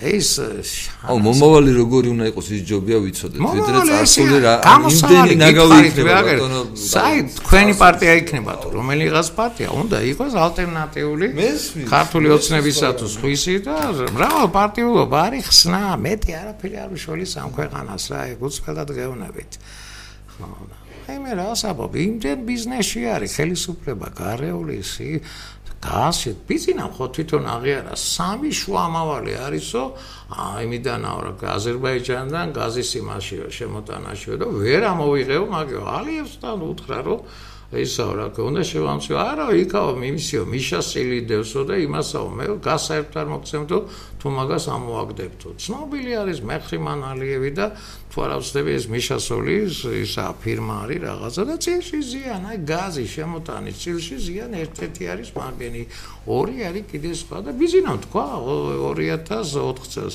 ვერ ამოაგდებ მაგენიო ისე წინაღდებობა შეხვდაო ძალიან სუდია ბიზნესი არის გადახლართული პოლიტიკაში ბინძურა და სასტიკად. ჩასახსნელია ეგენ. საგადასახადო კოდექსი შეიძლება მარტო მაგათ ჩახსნა. ჯო ვერ ჩახრე საგადასახადო კოდექსი. შემხებლობა უნდა ქონდეს. რევოლუციას რო ეძახით, რევოლუცია შეიძლება მხოლოდ ეგ იყოს. ბიჭო, ვინ გაგიტარებს ახლა იმ იმას? საგადასახადო კოდექსი ვინ ამუშავებს? რატო? თუ რა პრობლემაა აქ საგადასახადო? საერთოდ ბიჭო, სულად განსხვავებული გადასახადო, რომელსაც არ ექნება შეხება კონკრეტულ ბიზნესს. მოგება საჭირო. მოგება საჭირო. აი თქვენი სახმებით აი ჯაფარა პრეზიდენტად რო გვიწერია უკან. და მეტი თავისუფლება. აი მაგურ იმას. მეტი თავისუფლებას მომხრე ვარ. თუ ენერგიულად მოიქცევით თქვენა და თქვენ თუ 15-20% აიღეთ, შეაზანზარებთ ჩვენს იმას, რა ქვია, პოლიტიკურ ცხოვრებას. ბევრი ხო და მე შესაძლებელია ყოველგვარი ადამიანების ისტორიის ცოდნა, ისტორიის ცოდნა კარგია, ისტორიის ცოდნა კარგია, რომ მიმოშ რაღაცა თქვა არ ბიზნეს მაგას მეუნებოდა და ისტორიაზე არ მელაპარაკო. მე ვთქვი, ისტორია გამოსავალია და გასაღებია მომავლის სამეთქი. შენც იგივეს გიჩებულ სპელატიონები. ეს ფაქტები, როდესაც აი ბევრი ფაქტი გეცოდინება, რა ნაკლებ შეცდომებს დაუშვებ და სულ არა ეს ფაქტები უბრალოდ მინდასტურებს ჩემს თეორიას. რა თეორიას? რო ჯაფა ჩემს თეორიას, არა, ჩემს თეორიას იმასთან დაკავშირებით, რომ ამ ადამიანებთან ინდივიდუალურ სამართლიანობასთან, ანუ სამართლიანობის ძებნას აზრი არ აქვს. ისტორიას თავიანთ დავანებოთ. ანუ ისტორია რაც იყო, იყო და სხვანაირად უნდა დავიწყოთ ცხოვრება. სხვანაირად ამ ხალხს ვერავინ ვერ გამოასწორებს და ვერავინ ვერ გაასამართლებს. ერთი ბიზგიულა ამ ხალხსა და დროშებით გამოვიდა დამთავრდება ყველაფერი ეგრე არის. ხო მაგრამ კაცო რო გამოვიდა მე ხუნა იცოდი სამხალხო რა საკეთებს? აი გამოვიდა და გაიფსება და გადმოღურა განათლებამდე ვაიმე ბატონ დავით გამოვიდა 2003 წელსში და ქემი ვიღეთ რაც მივიღეთ დაუჩოქეთ შევარნაძეს მაგრამ ქემი ვიღეთ რაც მივიღეთ. ანუ არასოდეს არაფერი არ იცვლება სანამ ფუნდამენტურად იდეა არ იცვლება. არის როგორიც აი როგორ გითხრა? კეთილი განწყობილი არის ყოველი ახალისადმი ენდობა ხალ ენდო ხალხი ბიზნეს ხო? კი ბატონო. აღმოჩნდა ეს ბიზნესა ჩვეულებრივი რა არ მიდერ ახლა შეურაცხყოფელი ზეგი ერთი ჯიუტი კაცი აღმოჩნდა რა და ახირებებით გაზეს ხო მაგრამ რაღაცა ხო გააკეთა. ბიჭო რა გააკეთა? ანუ როგორც ვინმე ის მოთხოვნა რა იმ მომენტშიც ან დემოკრატია რომ მოგწონთ. ის ხო გააკანო ანობის აღდგენაზე იყო რა მე მიშა ხო გაუშვა? ჩასაბეტონ ჩასაბეტონებლად გამზადებული მიშა გაუშვა? ეგ დაუწერო თავის ქულა ეკუთვნის. ხო, თავის ისევე როგორც მიშას ხო ეკუთვნის ქულაგას. ის შევარნაძის 4 საათიანი გრაფიკი შუქის, როდემდე უნდა ყოფილიყო? არის ახლა მაშინ გრაფიკი. როგორ არისო? როგორ არისო კაცო ახლა მე აი მაშინ არ ცხოვრობ. მომისვინე წავს. თქვენი ეშინოდათ ეთყო ბატონო და გაძლევდეთ დენის. შენ მაშინ კაცო არის ჟურნალი არის იმისი რა ქვია. აა რამდენჯერ გაითიშა ანსა. თვეში იყო მაქსიმუმ 20-30 წუთი მეტი. ან მოსახლეობას არ არა, ანძას არა, მოსახლეობას არ ქონდა. არ ქონდა. თბილისში ძირითადად იყო რა შეკი. რეალისტები იყო. იყო სპამები იყო რა მთელი რო არის და ხალხი რა ნახებს სერიოზულად და იმიტომაც იყო ეს ვეირული გათიშვები თორე რაიონებში თიშავდა ძირითადად რაიონებში საერთოდ არ ქონა მე სიქვიზედებოდი კაცო და საერთოდ არ იყო შოკი სამეგრელოში. საერთოდ არ იყო მარტვილის რაიონში. მთელი ერთი ერთი 10 წლიანი შუალედი შეიძლება იყოს სადაც შუქი ვაფშე არ იყო ანუ თუ იყო სულ იქნებოდა ერთი სამი დღე ახალწლური პროცესები ხდებოდა თბილისში თბილისში შუქი იყო რაიონებში არ იყო ნახდათ არ იყო ვიცი ხო და ეგ ხო დასამთავრებელი იყო თქვა რა ნუ კარგი ახლა ეს აი უკვე 99 2000 წლიდან უკვე ნელა-ნელა შუქი მოდიოდა რა და 2 წლისათვის 70% შუქი იყო საქართველოს. ეხლა ბატონო თქვენ გინდათ რომ სწრაფად მოხდეს ამ ქვეყანაში რევოლუცია, ანუ სწრაფად შეცვალა. რევოლუცია დაწყებულია უკვე ფაქტიურად მენტალური რევოლუცია მოხდა. ყოველთვის ანალოგიური იყო რა, ანუ ქონდა პრობლემა მაშინაც, შევარნაძის დროსაც, ქონდა პრობლემა მიშას დროსაც და ეხლაც პრობლემა გვაქვს რა. ეხლა ეს საუბარად დავიწყე შენ რო თქვი რომ ეს ხალხის ხალხი ყოველთვის ელოდება გენდობა რა. უბრალოდ აღმოჩნდებიან ვიშთხები და ნაზირალები ხელისუფლებაში რა. ტრადიციულად ეს ხდება ბოლო 28 წელი არის და მაგის ბრალი ალბათ ხალხი უფრო კრიტიკულად უნდა განათლება ესეც რომ მე ანუ იცოდეს ხალხი ხალხი რო გამოდის დროში ზუსტად უნდა კონკრეტულად უნდა ესმოდეს რატო კითხვაზე პასუხი უნდა ქონდეს რა. უნდა ამასა და გავიდა ეს ათეულოვი წლები. არა 30 წელი ბევრი არა ისტორიულად. თვითონ ხალხის პრობლემაც რა არის, ეს მასობრივი განათლება აღარ არის. აი ჩაძიება და ის ინიციატივიანი ხალხი ცოტა არის 2%-ია. საბჭოთა სკოლა გვაქვს. საბჭოთა სკოლას გადის ბავშვები, როგორ უნდა კონდეს ინტერესი რამის? იცი, იცი, თვითონ სხვაჩვენს უარესობა ის არის, რომ აი ახალგაზრდობაში რა ინტერესი არა პოლიტიკაზე და პოლიტიკაზე. არ არის ცოტა. ჩვენ ჩვენთან რა ხდება ბა? რამდენი ხართ რა? 10-15 კაცი. არა კაც ამდენი სერიოზულად დათქვით მე დღე და დადეკით რა სადმე რაღაცა დააფიქრე დავთქვა მალე დათქვილი მიდი რა დათქვით. რა რა საინტერესო როგორ მაინტერესებს თქვენი აუდიტორია როგორია? კი ძალიან სასიამოვნო ხალხია. ძალიან კაი მე 10000 კაცი თუ ყავთ ლოცვილო მომავალი თქვენია აბა. მართა ყავთ ამდენი? სერიოზულად არჩევნებზე ხო ნახავთ არა არჩევნები არჩევნები ისედაც ხო ნახავთ არჩევნებზე არჩევნებზე ხო ჩვენ ხო შემთხვევით ხმას არ არ მოგცემს. სხვა შეიძლება თქვენი იდეინიკები ყავთ ინტერი ყავთ ბიჭო თანა ამ გზნობები ისე მიყვეს იავო შველებს გეფცები რა ეგ აუცილებელი ვარ რა ეს ჩვენც ვიცით რომ ყავს უბრალოდ რაოდენობა არ ვიცით ზუსტად რა. აა აზერბაიჯანში გამოჩდება ალბათ. მე ფიქრობ რომ აი სადღაც 15%-ს გასწდები თუ აი ეს ბოლო თვე იმუშავებ რა. არა მაქვს ჩაჯინებული ეს ციფრი 15 პრინციპში აი სადღაც ამდენს მინიმუმ აიღებ თქვენ რა. მოგება გვინდა ჩვენ და მოვი. ხათაშორის ისია. არა, ჩვენ ხო კანდიდატი. სხვა გზა ისედაც არა, რა უნდა მოიწეს მანაც. წარმოგიდგენთ, ჩვენ ხო ზურა ჯაფარიძე და იქეთ არის რაღაცა თელი რაღაც უცნაური კალეიდოსკოპი უცნაურობების რა. როგორ შეიძლება ჩვენ არ მოვიგოთ მართლა? არა, ყველაზე ინოვაციური თქვენ ახართ რა.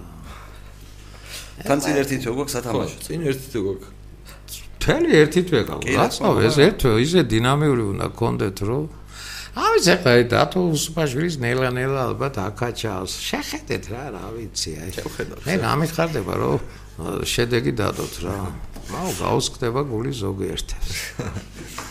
ძალიან დიდი მადლობა. ბერეკ თქვენ მადლობთ. კაც შეიძლება ერთ შეკითხვა დაგისვა. რამდენიც გინდა? რა ის აი მე მახსოვს იმას რომ უსმენდი რა ქვია ბურჯულაძეს.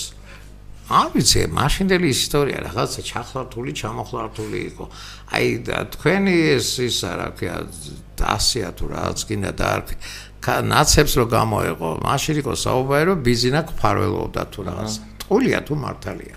ლოგიკით, ლოგიკით. ჩემი აზრით, ბატონ, ბატონ დავით, რაღაც მომენტში მე ბიზინა ირანიშვილის მადლობელი ვარ, იმიტომ ჩვენერი პარტია მიშას დროს ხო ვირი არსებობდა ფიზიკურად, ანუ დაგვიჭერდნენ ჩვეულებრივად, ხო? როგორც მინიმუმ არ გვიჭერს. ანუ ყოველთვის ის ადრიან დაჭერას თუ ისიც რაღაც კონკრეტული кейსი იყო, როგორც ჩვენ შეგვიძლია ფუნქციონირება ამ ქვეყანაში. ანუ პირდაპირ საფრთხე არ გვემუქრება, არ ვგრძნობთ ამ საფრთხეს და ვმუშაობთ. ეს ჩემთვის არის რაღაც თვალსაზრისის დახმარება. ანუ მე აღვიქვამ ამას როგორც დახმარებად.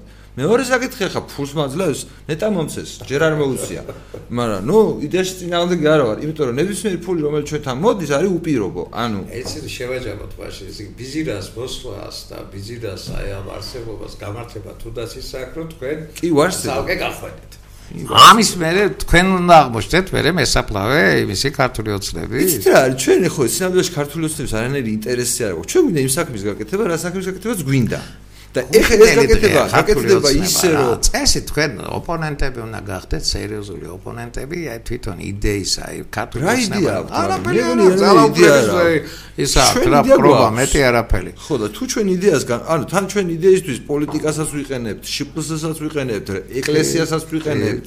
ცოტა ხანში არ ვიცი მეებსაც გავაკეთებთ ალბათ რაღაც აიპებს და ფონდებს და რაღაცებს. კარგი იქნება. და იდეაში ჩვენ ამის ამაში რომ ხელი არ გვეშლება ეს მე მიმაჩნია. ეს შეგიშლით ნახე. როგორ ვერ შემო მიშას ვერ შეგიშლით. მიშა ვერ შეგიშლით. რას ლაპარაკობ დაგვიჭერდნენ რა აი რა ასო დაგვიჭერდნენ. ან დათესვაზე დაგვიჭერდნენ მინიმუმ. პირველ დათესვაზე დაგიჭერდნენ იქვე.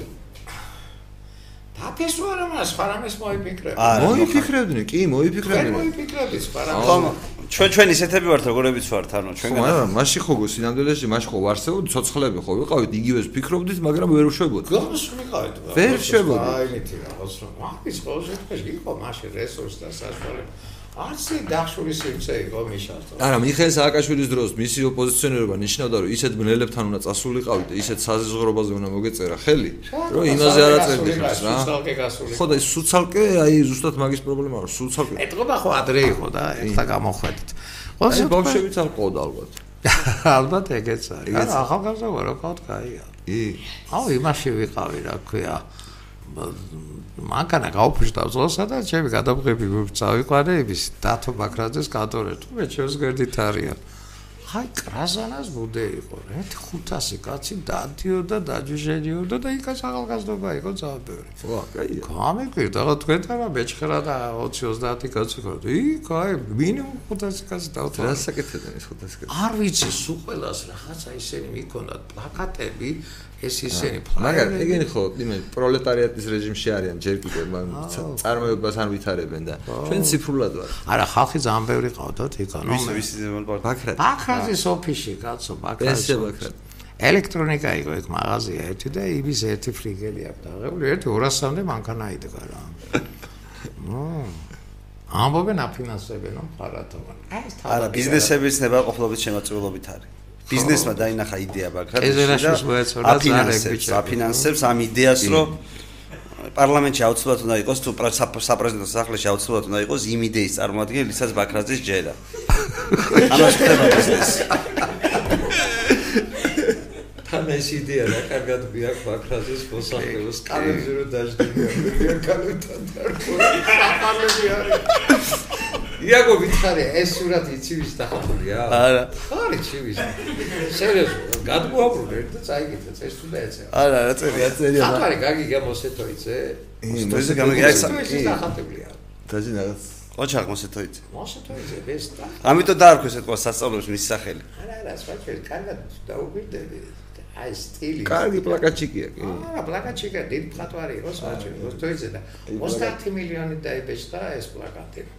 და აი ექსაიდან იცით ბატონო დავით აი რა ტირაჟით დაიბეჭდა ეს პლაკატი. აი მოსეთო იცის ისა ალბომი მაქვს ახში და იქ ეწერა. ერთ ღამეში დახატა. ერთ ღამეში. აა ბერია იყო აღფრთოვანებული მიუტანა ეს ისა პლაკატის წალი და სტალინი გაგიჟდა. ქართველი სახე აი დედა ხაზ დაუკვირდი კარგად ეს შემართება რუსეთის ქალები ეს ხელს არწერა. ქართული იდეა ამაში. მაგრამ თავდაგიარო დგას არ ბოლო ქართველი დახატულია. იმშავა ამას ხაჭი. მათა იმშავა. პროპაგანდაში სტალინი უბადლო იყო რა. მაგრამ იმშავა. აქ აქ წინა სამყარო გვაქვს. აი ეს აბაკია ბლოსკური. აღარი შეზახება. აი იქაც ებძოდნენ თამბაქოს. კომუნისტების ებძოდე, გუგული ბაგრაზეც ებძვი. აქ ჯარში მიყავთ, აქ ჯარში მიყავთ ეს რა ქვია. ეს არის 18 წლისა. იქ არის რომ ამერიკელი საწყალი ამერიკელი ბავშვები რომლებსაც სკოლებს უხურავენ? აქ არის რომ ბევრი არის ლაპარაკოთ იმიტომ რომ პერი მოგვიშვა ეს პლაკატები კაცო ანუ გამოხატვის თავისუფლება შეზღუდული იყო იმიტომ რომ პერი გვისმენს. პერი გვისმენს და ამიტომ არ უნდა ვიბაზროთ. ამიტომ არ უნდა ვიბაზროთ. ანუ ჩვენც შეიძლება ვიღაცას ეთქვა ჩვენთვის რომ რასაც ჩვენ ლაპარაკობთ ეს არის რაღაცა ანტი სახელმწიფოებრივი და აი ისნენ ამერიკელები. კი. მაშინ ეგია და ეხლა რა მაინტერესებს? ეხლა იწერებ ეგ შოჩი გზე რამდენი კაცი გიყურებს მეტი არა მოგიწევს ერთდროულად ცოტა ფეისბუქი ბატონო ჩანწეს ნახავს ბევრი აი ხვალ ნახავთ შევა აი თქვენ იქნებით რეკორდსმენი მე გარწმუნდა თუ გიდათ რეკორდებს მე გამოგადგეთ უარს არ გეტყვით მოვალ ყოველთვის ოღონდ მე მართა გამიხარდება რომ ბევრი გისმენდეთ რა. აი თქვენ მართა საინტერესო ძალა ხართ ქართულ რეალობაში აი რა. მიტინგი უნდა ჩაგვეტარებინა ბატონო დავით? დღეს ისეთია რომ აი ამდენ ხალხს მოესმინა ჩვენ მიტინგი კაი გზნობა აი ვიცი რომ გიყავთ მე კი არ მიყვარს შენი უფროსი არისო იქ რო იჭერდნენ? აი ისევ კანკალებდი რო უყურებდი. მაგრამ გმირობა ჩაიდინა მასე ჯაბარიძე ის ინტერვიუს რო აზრიოდო რა ეს პოლიცია ხო საერთოდ რა? ერთ იდეას გთავაზობ დიაგო შენ გთავაზობ. იურისტი ხარ. 1 ნოემბერს მიიღეს საზღარი კანონი ამ დებილმა პარლამენტმა და შსს სამინისტრომ გაიტანა ეს აი გამკაცრება როა სა გონიერი ისენიო კამერებიო თუ ჭკვიანი კამერებიო და ადმინისტრაციული საჟერები წერამდე აიყვანეს.